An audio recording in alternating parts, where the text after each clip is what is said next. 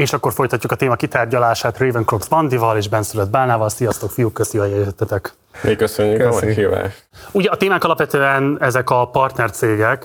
Talán érdemes röviden tisztázni, pontosan mit biztosít egy ilyen partnercég a kreátor, a tartalmelőállító számára. Nekem nagyon-nagyon szordinos tapasztalataim vannak. Egyszer voltunk igazából olyan tárgyalásban, amikor egy partnercég jelezte azt, hogy pontosan hát, hogy szeretnék igazából együttműködni velünk, és hogy pontosan milyen szolgáltatást tud biztosítani, és nem tűnt igazán meggyőzőnek. Tehát ugye eleve ugye nyilván egy tartalmelőállító nagyon sokat küzd azzal a YouTube-nak, a Google-nek az átláthatatlan szabályozása, az algoritmus teljesen átláthatatlan működését hogyan lehetne esetleg mégiscsak a mi hasznunkra fordítani, és én nem voltam meggyőződve arról, hogy a partnercég valóban annyival bejebb van pozíciót illetően, mint az egyéni kreátor, de lehet, hogy nektek eltérő tapasztalatotok van, Bandi?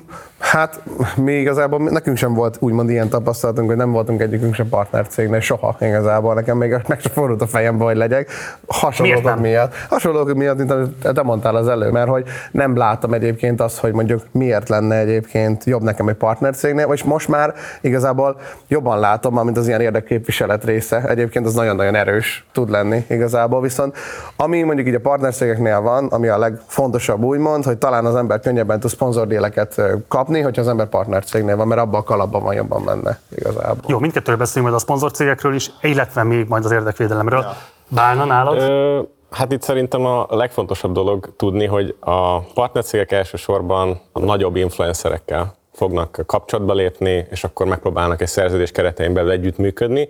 Viszont általában azok kapják a munkákat, ugye a szponzor díleket, akik a tápláléklánc csúcsán vannak, azokkal szemben, akik viszont pár 10-20 ezer megtekintéssel esetleg a partnercég elfogadja őket, megosztják a YouTube reklámbevételüket a partnercéggel, viszont a mi visszajelzések alapján alapján ezek a kisebb youtuberek, tartalomgyártók nem kapnak munkákat, vagy nagyon minimális. Egy kisebb Ilyet. a tartalomgyártónak értető, hogy miért volna érdekében alapvetően egyébként inkább egy partnercéggel együttműködni, de egy nagyobbnak, egy több százezeres adott esetben milliós elérésű ö, csatornának miért kellene egyáltalán közvetítő, hiszen nyilvánvalóan sokkal jobban járt, hogyha közvetlenül tárgyal, akár a hirdetőkkel, akár a szponzorokkal, és így tovább. Hát ez azért van, mert a partnercégek azok aktívan dolgoznak azon, hogy felkutassák ezeket a cégeket, vagy akár szponzorokat, bár, bárhogy nevezhetjük őket, és akkor rajtuk keresztül ugye kommunikálják le az egész projektet, ők maguknak egy bizonyos margin 20-30 százalékot levonnak a dílből, és akkor az influencernek csak annyi a dolga, hogy a tartalommal foglalkozzon. Ugye ez a elvileg a bevett történet. De mondjuk az érdekes nekem ebbe a dologba, hogy, hogy ugye a partnercég is amúgy levesz százalékot belőle egyébként, meg amúgy a YouTube is vesz a százalékot a, a, a mondjuk az AdSense revenue-ból, azt hiszem 30 százalékot vesz le egyébként a YouTube, pluszban még vannak olyan partnercégek, akik szerintem a, amiről fogunk beszélni, és egyébként egy 20 százalékot vesz vesznek le egyébként a, a revenue-ból, és a bevételből, amit egyébként. Én, én nem tudom, hogy ez így miért éri meg ennyire az embereknek jóformán. Lehet tényleg a szponzordílek. Vannak egyébként olyan lehetőségeik, mivel ezek MCN-ek, ugye multi-channel network hogy a YouTube-nak bizonyos belső funkció férnek hozzá. Például meg tudják oldani, ha te szeretnél csak külföldi emberekhez elérni a tartalmadra, akkor letiltják a magyar felhasználókat. Hm.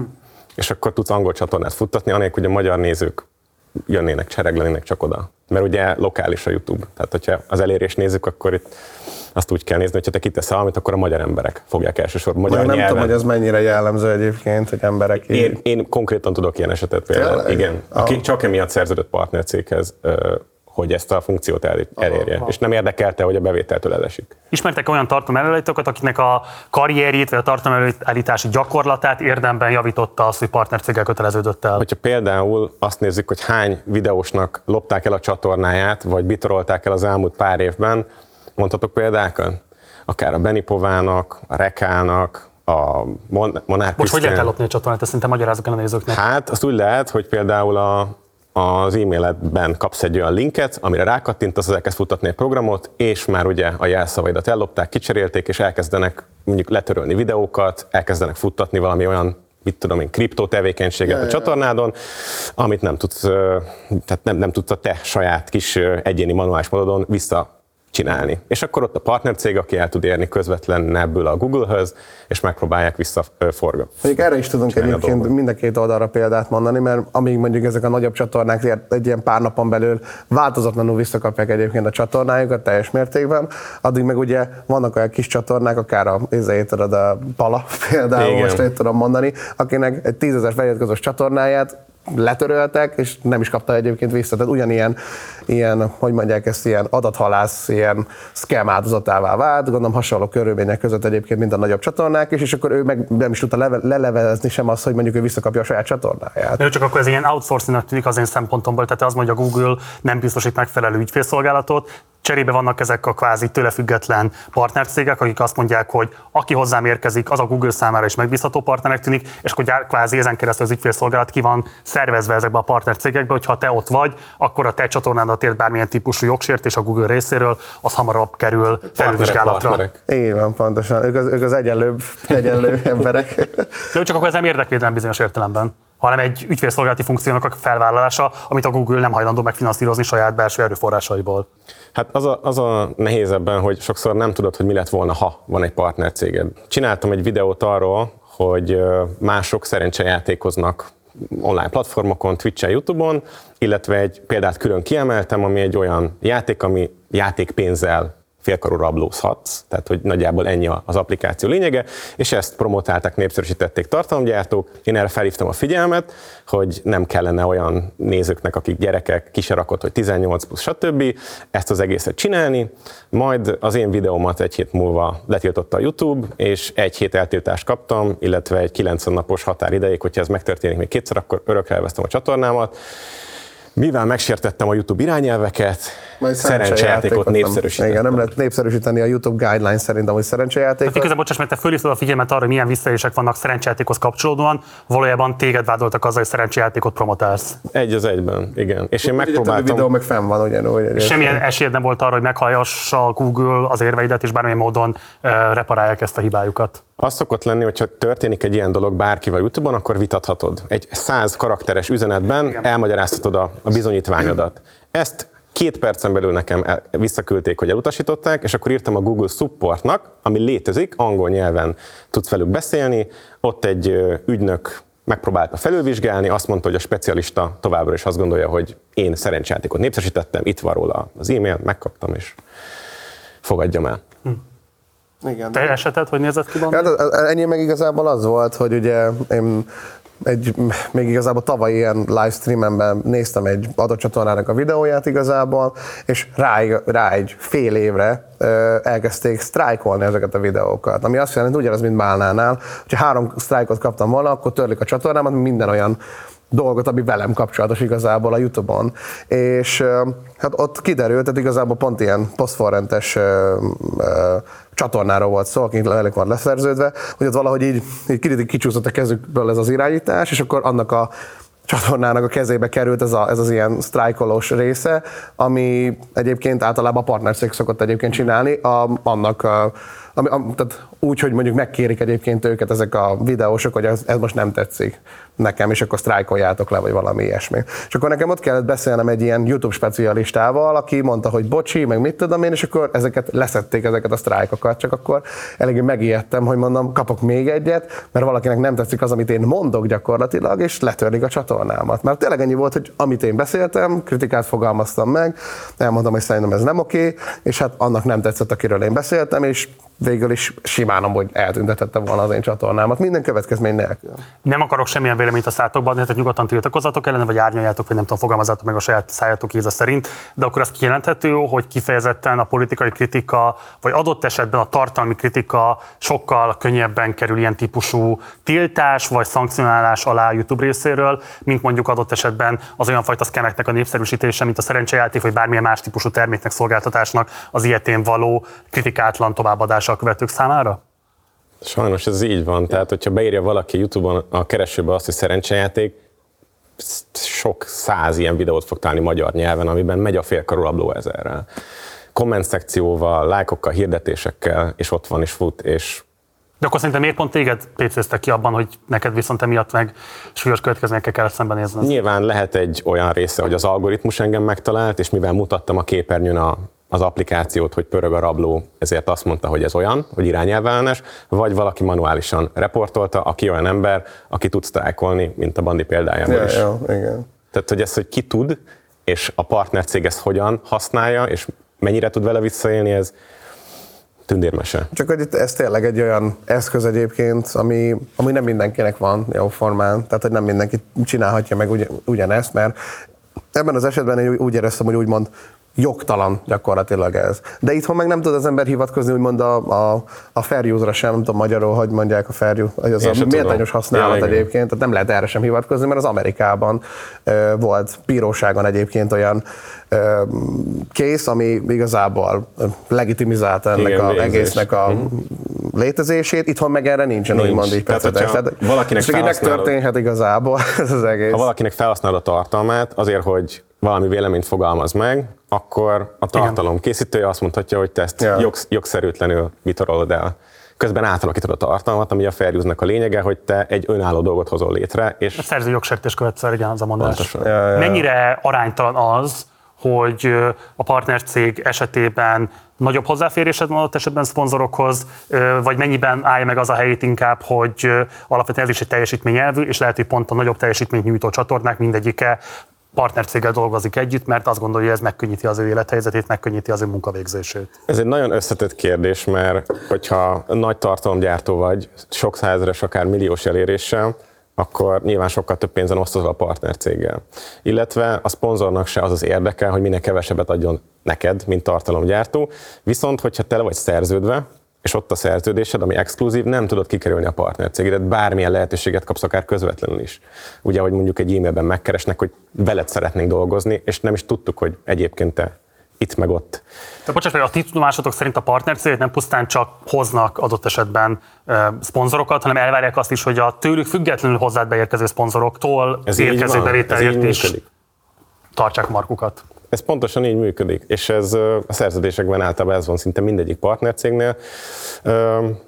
Hogyha viszont a másik oldalát nézzük, hogyha te ö, ott vagy a partnercégnél, és kapsz egy jó dílt, mondjuk a Postabanktól, vagy valamelyik cégtől, amilyen akár magyar, akár külföldi. Rest in peace, pont, Igen, az általában egy nagyobb kampány része, ö, több pénzt szánnak rá, és nem annyira számít a teljesítmény, illetve hogy ö, milyen eredménnyel jár. Ez már... Úgy fel azért a kritikus kérdés, hogy mennyiben adott esetben a megbántottság, adott esetben az irítség beszél belőle, kedves bálna, és mennyiben egyébként ténylegesen olyan tapasztalat áll mögött az állítás mögött, amit esetleg más típusú csatornák élményei is igazolnak. Hát én annyit tudok mondani, hogy én tíz évig foglalkoztam online marketinggel, multicégeknél, sok magyar tartalomgyártóval dolgoztam együtt az ügyfél oldalról, és hogyha a partnercég volt, akkor az én személyes tapasztalatom az volt, hogy nem nagyon tudtak valójában értéket adni hozzá. Aha. Mert nyilván, hogyha én szeretnék valamit az ügyfél oldalról, akkor azt meg kell tudnom beszélni a tartalomgyártóval. Nem elég, ha csak írok egy levelet, és akkor az lesz valamilyen, és akkor én elfogadom. De nyilván van, aki ezt könnyedébben kezeli, van, aki ezzel úgy van, hogy legyen benne ez, a partnercég majd lebeszéli, lebonyolítja, felhívják a tartalomgyártót, és elkészül a dolog. Szóval én nem éreztem azt, hogy az ő hatásuk erre a munkafolyamatra bármilyen értékkel is szolgált volna. Szintán annyit éreztem, hogy ők ott vannak az útban. Hm. Hát csak mondjuk tényleg igazából tehát konkrétan egy ilyen leimélezést csinálnak jó formán, ők leszervezik ezt a dolgot, de mégis ők tartják a kezükbe ezt az egész ilyen szponzori kört, vagy hogy mondjam igazából. Jó, hát akkor térjünk rá a pákosabb részére a beszélgetésünknek.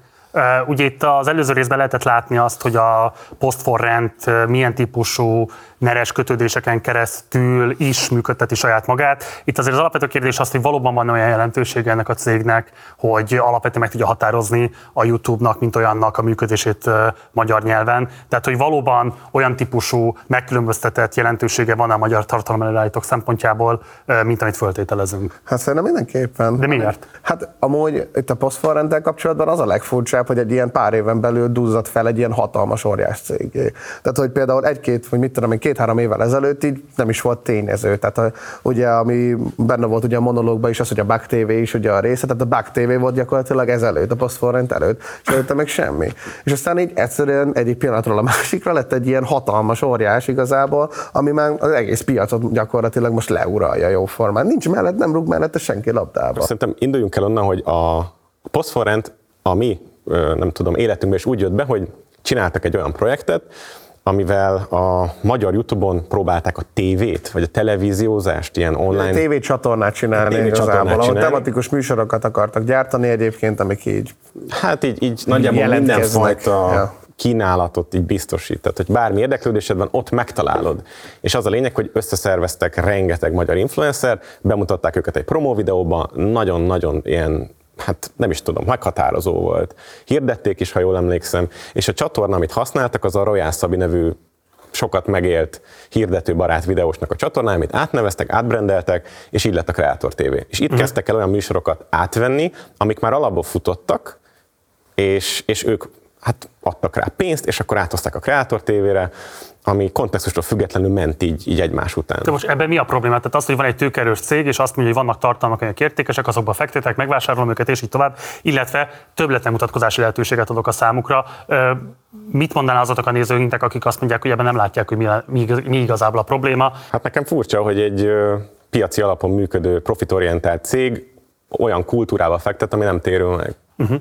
Tehát, hogy ez... De miért? Mondj, mondj ki konkrét példákat, ha tudsz. Oké, okay. tehát mondjuk a Pudermentes Podcast az működött a, a Kreator TV előtt is, utána a Kreator TV-n kezdett menni, sokkal kevesebb eléréssel. Igen, a Trio is szerintem nagyjából a Trio is volt. A Trio podcast is ugyanez volt. Ők is a saját csatornán elkezdték csinálni ezt az egész dolgot, és aztán meg átmentek a, a Kreator TV-re, ahol jelentősebben kevesebben nézték egyébként ezt az Mi ebben a kreatornak a, igazából az érdeke? Tehát nyilvánvalóan mindenki a nézettséget szeretné növelni.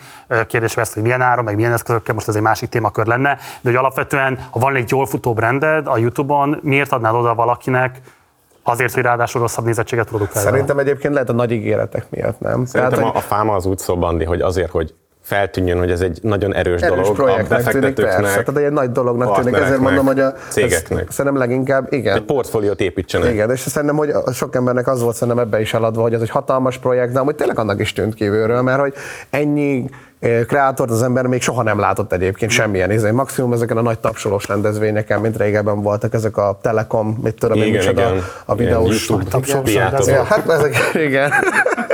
És, és, és nagyjából csak ezekkel lehetett látni, és hogy ez e- emiatt tűnt ilyen hatalmas nagynak, csak aztán meg is láttam, hogy annyira hát igen, a... nagy, mert egyszerűen nem jött be szerintem a számítás, én nem tudom őszintén. Ezeket a dolgokat leállították, így egyesével szép lassan. Tehát egyszerre volt profi az egész, meg nagyon amatőr így szervezésileg. Tehát, hogy amit így az ember külsőleg látott. Tehát, hogy az, az, az volt, hogy ténylegesen rengeteg kreátor, ami azt, hogy mondjam, azt feltételezte az ember, hogy itt rengeteg pénz van tényleg. És hogy, de a másik oldalon meg így az ötletek, meg így a megvalósítás, meg ilyen nagyon-nagyon vérszegény. Mert csináltunk is egy videót még annó, amikor még nem is sok minden volt rajta. Igen. Ugye az, hogy a Facebookot hogyan gyarmatosította a Fidesz legalábbis magyar vonatkozásban, az eléggé jól látható volt a választások alkalmával. Yeah. Ugyanakkor a YouTube esetében úgy tűnik, mintha ez egyelőre egy meghódítatlan terület lenne a számukra. A posztforrend bármilyen szempontból szerintetek részt vette a választásokban, próbáltak-e influencereken keresztül politikai vélemények irányába orientálni nézőket, tapasztaltatok ilyen típusú aktivitást tőlük? Nem, nem. egyébként. Nem. És hát, hogyha csak annyit tudok mondani egyébként, hogy maximum Origo szponzoráció volt amúgy egyébként. Ami... Amiben sokan belefutottak, amiben és nem sok, sok, volt, sok volt benne, de... De azért nagy pofon volt mindenkinek szerintem. Tehát abban senki nem jött ki volt. Tehát aki az, az arcát adta, az, az, az nem tette be a sóréjébe azokat a képeket. A, persze, mindenki amúgy nagyjából. Szerintem ez, ez túl erős lett volna, illetve hát a nézők 90%-a fiatalkorú, ez valahogy nem, nem lett volna érdekük se szerintem. Akkor most miért éri meg 100 milliókat tolni bele egy olyan projektbe, ami egyébként konkrét politikai erőt, vagy hát konkrétan szavazatokat később egyébként nem képes hozni? Hát lehet, hogy nem ez az ambíció akkor, akkor elsősorban. Fogalmam nincs igazából. Hát, most már szinte monopól a... Hát lehet, hogy maga, maga is, ez, hogy csak ezt is leuralni egyébként, mint ugye bárhol, amit, a, amit nézünk, hogy minden de, a még most mi az uralom? Tehát igazából vannak-e témák például, amiket jobban lehet látni, hogy tolnának emiatt, vagy bizonyos témáktól tartózkodnak adott esetben, lehet ilyesmi tapasztalattal nem, szerintem ezt meghagyták a Megafonnak, a Patriótának. Igen, és hogy a... ez a fura, hogy amúgy ezek összesincsenek, így nem is lehet összefüggésbe se hozni ezeket a dolgokat. Tehát a Megafon, meg akár az összes ilyen úgymond független jobboldali ö, ö, tartalomgyártót nem lehet így a posztforrenttel nem lehet úgy azonosítani, nem. vagy valami, hanem teljesen más körrel lehet, ami eléggé fura. Igen, azt mondom, hogy a posztforrent az nem vállalja fel a Ferrari Ádámot, vagy a többieket. Nem, nem, nem. nem. Tehát abszolút így. Tehát, a, hogyha már tényleg csak azt nézzük, hogy ami például elhangzott ugye a monológban is, hogy milyen, hogy mondjam, honnan indult ez az egész cég, így nagyon-nagyon furcsa ez az egész. Viszont ami a, a másik oldal, meg amit most mondtál, hogy így, de még sincsen semmilyen politikai ambíciója, így meg tényleg hatalmas nagy kérdőjel ez az egész jó formán, hogy olyan embereknek a kezében van ez, akiknek, akiken nem vagyunk annyira meglepődve igazából, de mégsem érződik annyira ezen az egész dolgon. Úgy akkor politikailag orientálni az embereket nem csak azzal lehet, amit mondasz, hanem azzal is, amit nem. Uh-huh. Szerintetek uh-huh. van olyan típusú funkciója a posztforrentnek, hogy kifejezetten visszafogja azt, hogy bármilyen típusú politikai, akár csak közéleti véleményt megformáljanak az érdekkörükbe tartozó tartomelőállítók? Én nem láttam még rá példát, de van rá lehetőségük. Hogyan? Tehát, hát a szerződésben benne van az, hogy ezt igazából megtehetnék, ha akarnák. De hát, hogy ha valaki például rossz hírnevét kelti, akárkinek, aki a szerződésben foglalt bármelyik fél, nyilván az a hadilában állnának. Honnan tudod ilyen bizonyossággal? Hát mert elolvastam.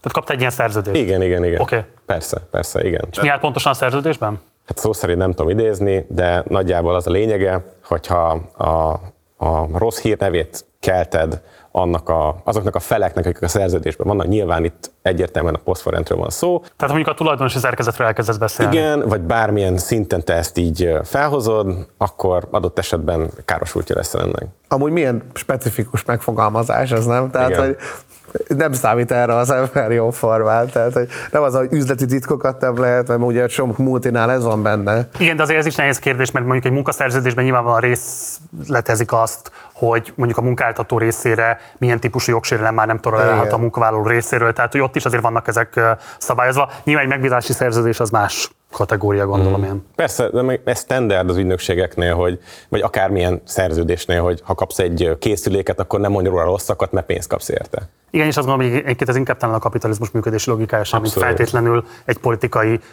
nem tudom, elvárás a posztforrend részéről. Igen. Nem tudom, hogy, hogy ami nekem az egyik legmegmagyarázhatatlanabb vonulata a posztforrentnél, az maga a weboldal, illetve az a platform, ami mögötte van. Mesélj erről, kérlek. Amikor megérkezett a posztforrent Magyarországra, akkor ez egy olyan nem tudom ezt magyarul mondani, egy on-demand UGC platform volt, ami azt jelenti, hogy te konkrétan tudsz venni end userek által gyártott tartalmat. Lehet, hogy szebben meg tudjátok fogalmazni. Tehát, hogy tudsz venni egy influencertől egy videót. Ezen a platformon keresztül, vagy egy instaképet, vagy bármit, és ide cégek felregisztrálhatnak, kirakhatnak egy munkát, az influencer elfogadhatja a munkát, feltölteti a tartalmat, és a pénzügyi tranzakciók is az appon keresztül történnek. Ez minden rendelkezésükre állt, weboldalon is, mobil keresztül is, viszont két éve valamiért ezt a dolgot lekapcsolták, és már nem működik. Nem működik, ja. Ezen gondolkoztunk igazából, meg, meg maga ennek az egésznek a, a, az, hogy honnan, tehát egyáltalán honnan szerezték ezt az egészet, hogy ez saját ötletük volt, vagy esetleg ezt az egészet megvették amúgy, mert hogy tényleg úgy néz ki, hogy az ember felmegy a weboldalra, mint egy nemzetközi ilyen MCN végül, és egy ilyen, egy ilyen, ja, ilyen multi-channel networking ügynökség, akik ezzel foglalkoznak, hogy beregisztrálsz az apjukra, és akkor ott tudod magadnak a szponzorációkat végül is így csinálni. Ami nagyon már, sok példa van, és ez működik. Igen, amúgy ez egy tök jó ötlet, de ez már nincsen jó formán. És hogy ezen gondolkoztunk, hogy ezt csak megvehették, vagy és tényleg ez, és ez mennyire drága technológia, ez egy automatizált rendszer, hozzá se kell érniük ja. az ő oldalukról, és adatbázis van benne, influencer kereső, statisztikák, méretetlenül sok adat, Igen. és ezt mind nem használják. És most már inkább úgy működik maga az egész posztforrend is, mint, ezek a, mint a sztereotipikus ugye MCN-ek, hogy ugye e-mailes alapon, akkor a szponzorációkat itt boltolják. És ezt a, ezt a neres vonalat se láttuk még megmutatkozni, maximum olyan téren, hogy ugye van a Videa? Igen. Ez az Origónak a YouTube-ja, vagy nem tudom, hogy, hogy lehet nevezni, egy, egy videós platform, ahol mennek olyan műsorok, amikben posztforrentes srácok, lányok a műsorvezetők. És ezek a tartalmak nagyon-nagyon magas színvonalon vannak előállítva, mármint képileg, technikailag, viszont És nem őket a kutya sem. van. Van mondjuk három feliratkozó a, azon a, mit tudom én, most egy... Csatornán. Csatornán, igen. igen.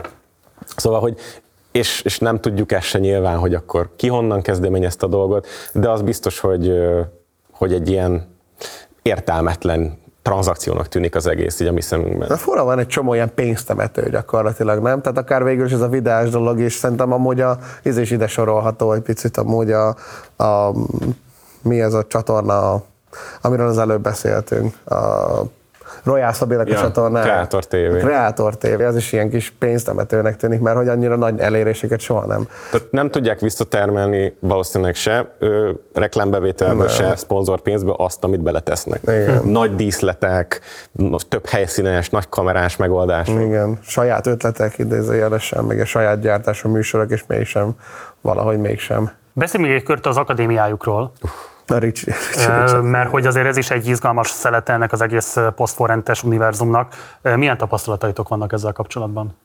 Hát ez, ez egy egészen elképesztő dolog. De mondjuk ez Te is fizettél, neked ebbe pénzed Igen, van. én csináltam egy 50 perces videót a Szabó Viktorral. Hát annyit kell tudni, hogy kitalálták, hogy csinálnak egy, egy, egy ilyen online kurzust, ahol az influencerek fogják tanítani azt, hogy valójában hogyan kell ezt csinálni, hogy működik, és óriási ígéretekkel, hogy ezt fogod kapni, ezt fogod elérni, így már menni fog, te is eljuthatsz oda, ahol mi vagyunk most. És ez nyilván hitelesen hangzik olyan tartalomgyártók szájából, akik ezt már elérték. Ehhez képest maga a szolgáltatás egy nagyon basic weboldal, ahol hogyha befizetted a, a, a kezdőösszeget, ami az első kurzus, akkor meg tudsz nézni azt hiszem, hogy kb. 10-15 videót, amiben az egyik kurzus ami Facebookról szól, és a Postforentnek az egyik munkatársa tanítja. Nagyon tárgyilagos, abszolút felületes az egész, és hát nincs igazából benne semmi tanító jellegű, fel, felolvasnak gyakorlatilag, vagy olyan, mintha felolvasnának egy ilyen kivonatot, és ami nekünk a, a legérdekesebb volt, az az, hogy volt egy második kurzus, amit megvettünk, viszont a második kurzus üres. Nincs benne semmi. A pénzt viszont nem kaptam vissza. Mennyi pénzed volt ebben? A, hát összesen 30 ezer forint. Az igen. Az első az 10 volt, utána pedig 20 ezer forint. Tehát drágább volt a semmi, mint a rossz minőségi tananyag. Azért van ebben üzleti logika, ne arra, tehát azért így beparizni embereket, de bocs, várjál, hát azért ez eh, skandalom, tehát hogy értékesítenek egy szolgáltatást, amit nem szállítanak le, hát ez fogyasztóvédelmileg valószínűleg nem állja meg a helyét, tehát nem tudom, tettél panaszt emiatt? E, hát próbálkoztam, de én nem kezdtem ebből még ügyet csinálni, mert azt gondoltam, hogy a pénzemet visszakapom, és akkor mondjuk azt, hogy spondját rá, ez még mindig nem történt meg. Ez mennyi ideje zajlik? Több mint egy hónapja. Több mint egy hónapja ülnek a pénzeden. Uh-huh. Uh-huh. Igen. És hát nyilván a következő lépés az az lenne, hogy egy picit azért ezt továbbvinni, és akár egy ügyet kreálni ebből, de annyira piti összeg szerintem nekik, hogy ez inkább csak lustaság lehet, vagy ignorancia. Mert pont ezt gondoltuk, hogy megcsinálták ezt az Influencer Akadémiát, viszont effektíve az a tudás, ami ebben felelhető, nem kifejezetten oktató jellegű, nem, nem mutatnak semmit a képernyőn, csak beszélnek a kamerába. Tehát képzeld, úgy magyarázok neked egy YouTube analitikában egy funkciót, hogy én csak szóban mondom el. Igen. Hát nehéz dolgod van, ugye? Tehát ez nem olyan könnyű. És, és hogy erre hányan lehettek kíváncsiak? Ez mennyire érhette meg nekik, illetve hogy nem is folytatták. És ott van a weboldalon, hogy szeptember 15-én érkezik a második rész.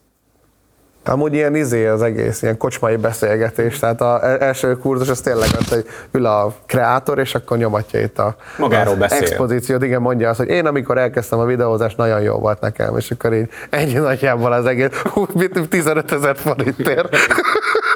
Nagyon Tehát jó. egy túlárazott, ám de nem működőképes, viszont dominálja a teljes piaci szegmest, amiben létrejött. Hát ez egy klasszikus NER definíció bármilyen típusú yeah. cégnek, amit egyébként bármely területén megtalálsz a magyar Ja. gazdaságnak. Igen. Igen. Sajnos.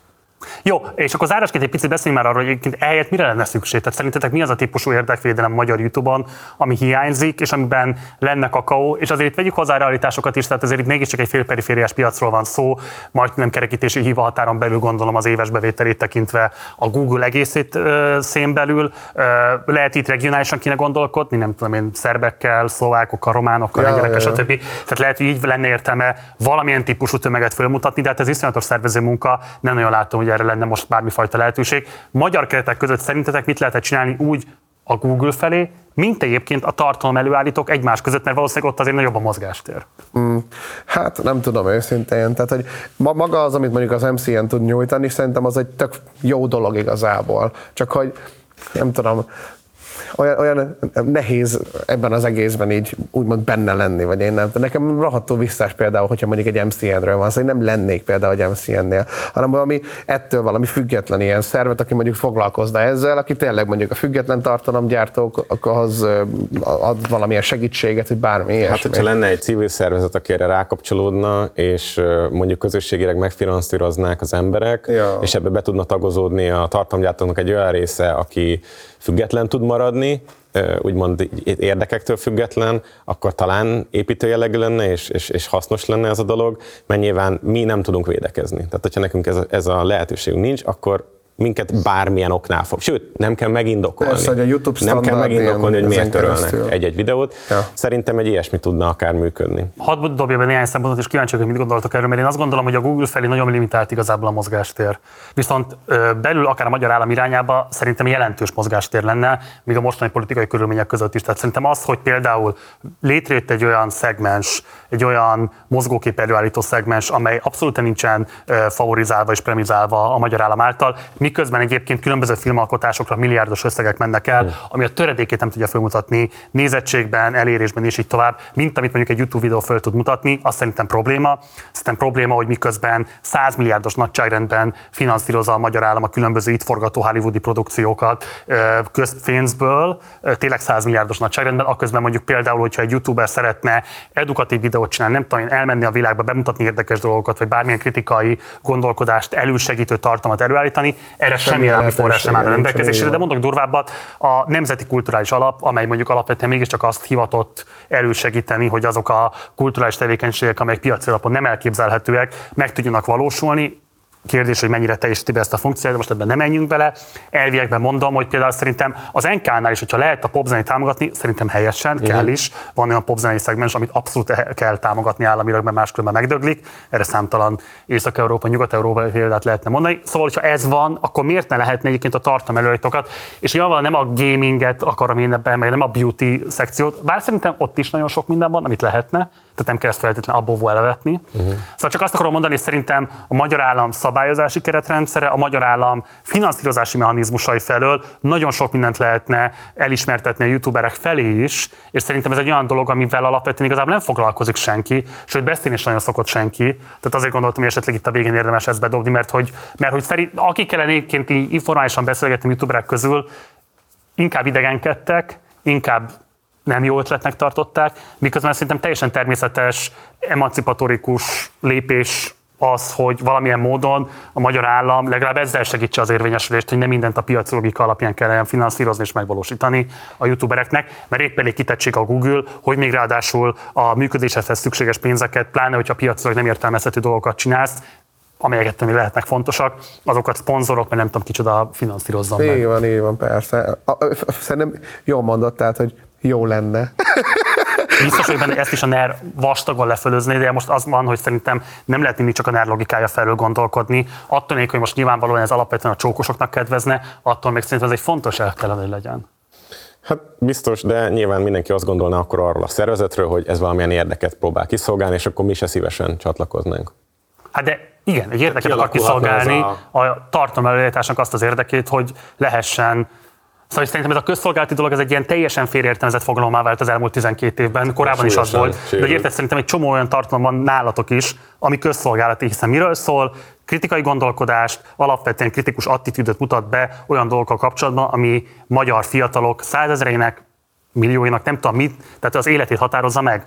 Tehát, hogy nem csak az a közszolgálati tartalom, hogy elmegyek a kiállításra és bemutatom Igen. azt, hogy a művész mit gondol a világról, hanem az is közszolgálati tartalom, az életünket alapvetően befolyásolni hétköznapi jelenségekről, megkérdező attitűddel, vagy kritikus attitűddel, vagy tájékoztató attitűddel beszélek, és ezt ma valószínűleg ti jobban tudjátok ellátni, mint nagyon sok újságíró, és nem azért, mert azok az újságírók szarok lennének, hanem egyszerűen azért, mert egy másik típusú szénában mozognak. Azt is kéne szerintem egyébként támogatni, de itt is fölmerülhetne egyáltalán a gondolat. Egyébként biztos, hogy jó lenne egy ilyen, hogy lenne értelme. Nyilván az a másik kérdés, hogy kiőrzi az őrzőket. Tehát, hát hogyha ennek lenne egy, egy, fel, egy felülbírálható része, hogy akkor ki csinálhat ilyet, mit mondhat, mikor mondhat. Hát nyilván egyébként akkor lenne jó ez, hogyha külön tudnánk választani az államot a kormánytól egyébként, mert az, hogyha az ember mondjuk állami pénzből próbálna finanszírozni bármilyen projektet, azzal nem lenne tulajdonképpen probléma, csak most már ezt nem tudod megtenni, hogy nem hogyha az államra gondolsz, nem arra gondolsz, hogy a Fidesz egyébként, meg a NER, meg a mit tudom én micsoda. Mert amúgy normál esetben ennek nem így kellene lennie,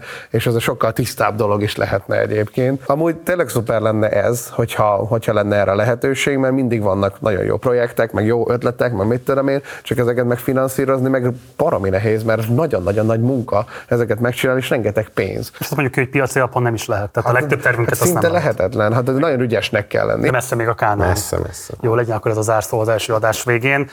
Szerintem ez egy szuper beszélgetés volt, nagyon köszi a bizalmat, és köszi lehetővé tettétek mindezt, és külön köszi azt, hogy ennyi energiát tettetek abba, hogy egyáltalán tudásunk legyen ezekről a dolgokról, mert nyilvánvalóan itt azért alapvetően a kutatómunkát, az előkészítő munkát azt végeztétek el, mi igazából rátelepültünk tettünk hozzá, nyilván mi is szerkesztői hozzáadott értékünk van benne, de alapvetően azt, hogy egyáltalán ez a téma fölkerül a horizontra, abban nektek nagyon sok munkátok van, és ezt szerettem volna elismerni ezen a formában is.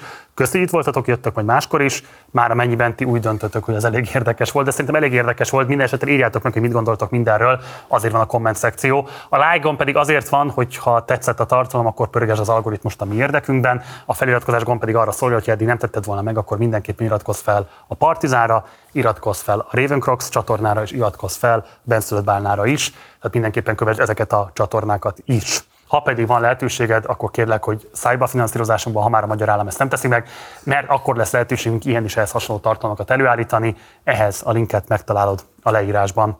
Hamarosan találkozunk, köszi a figyelmet a munkatársaim nevében is. Én Gulyás Márton voltam. Ciao.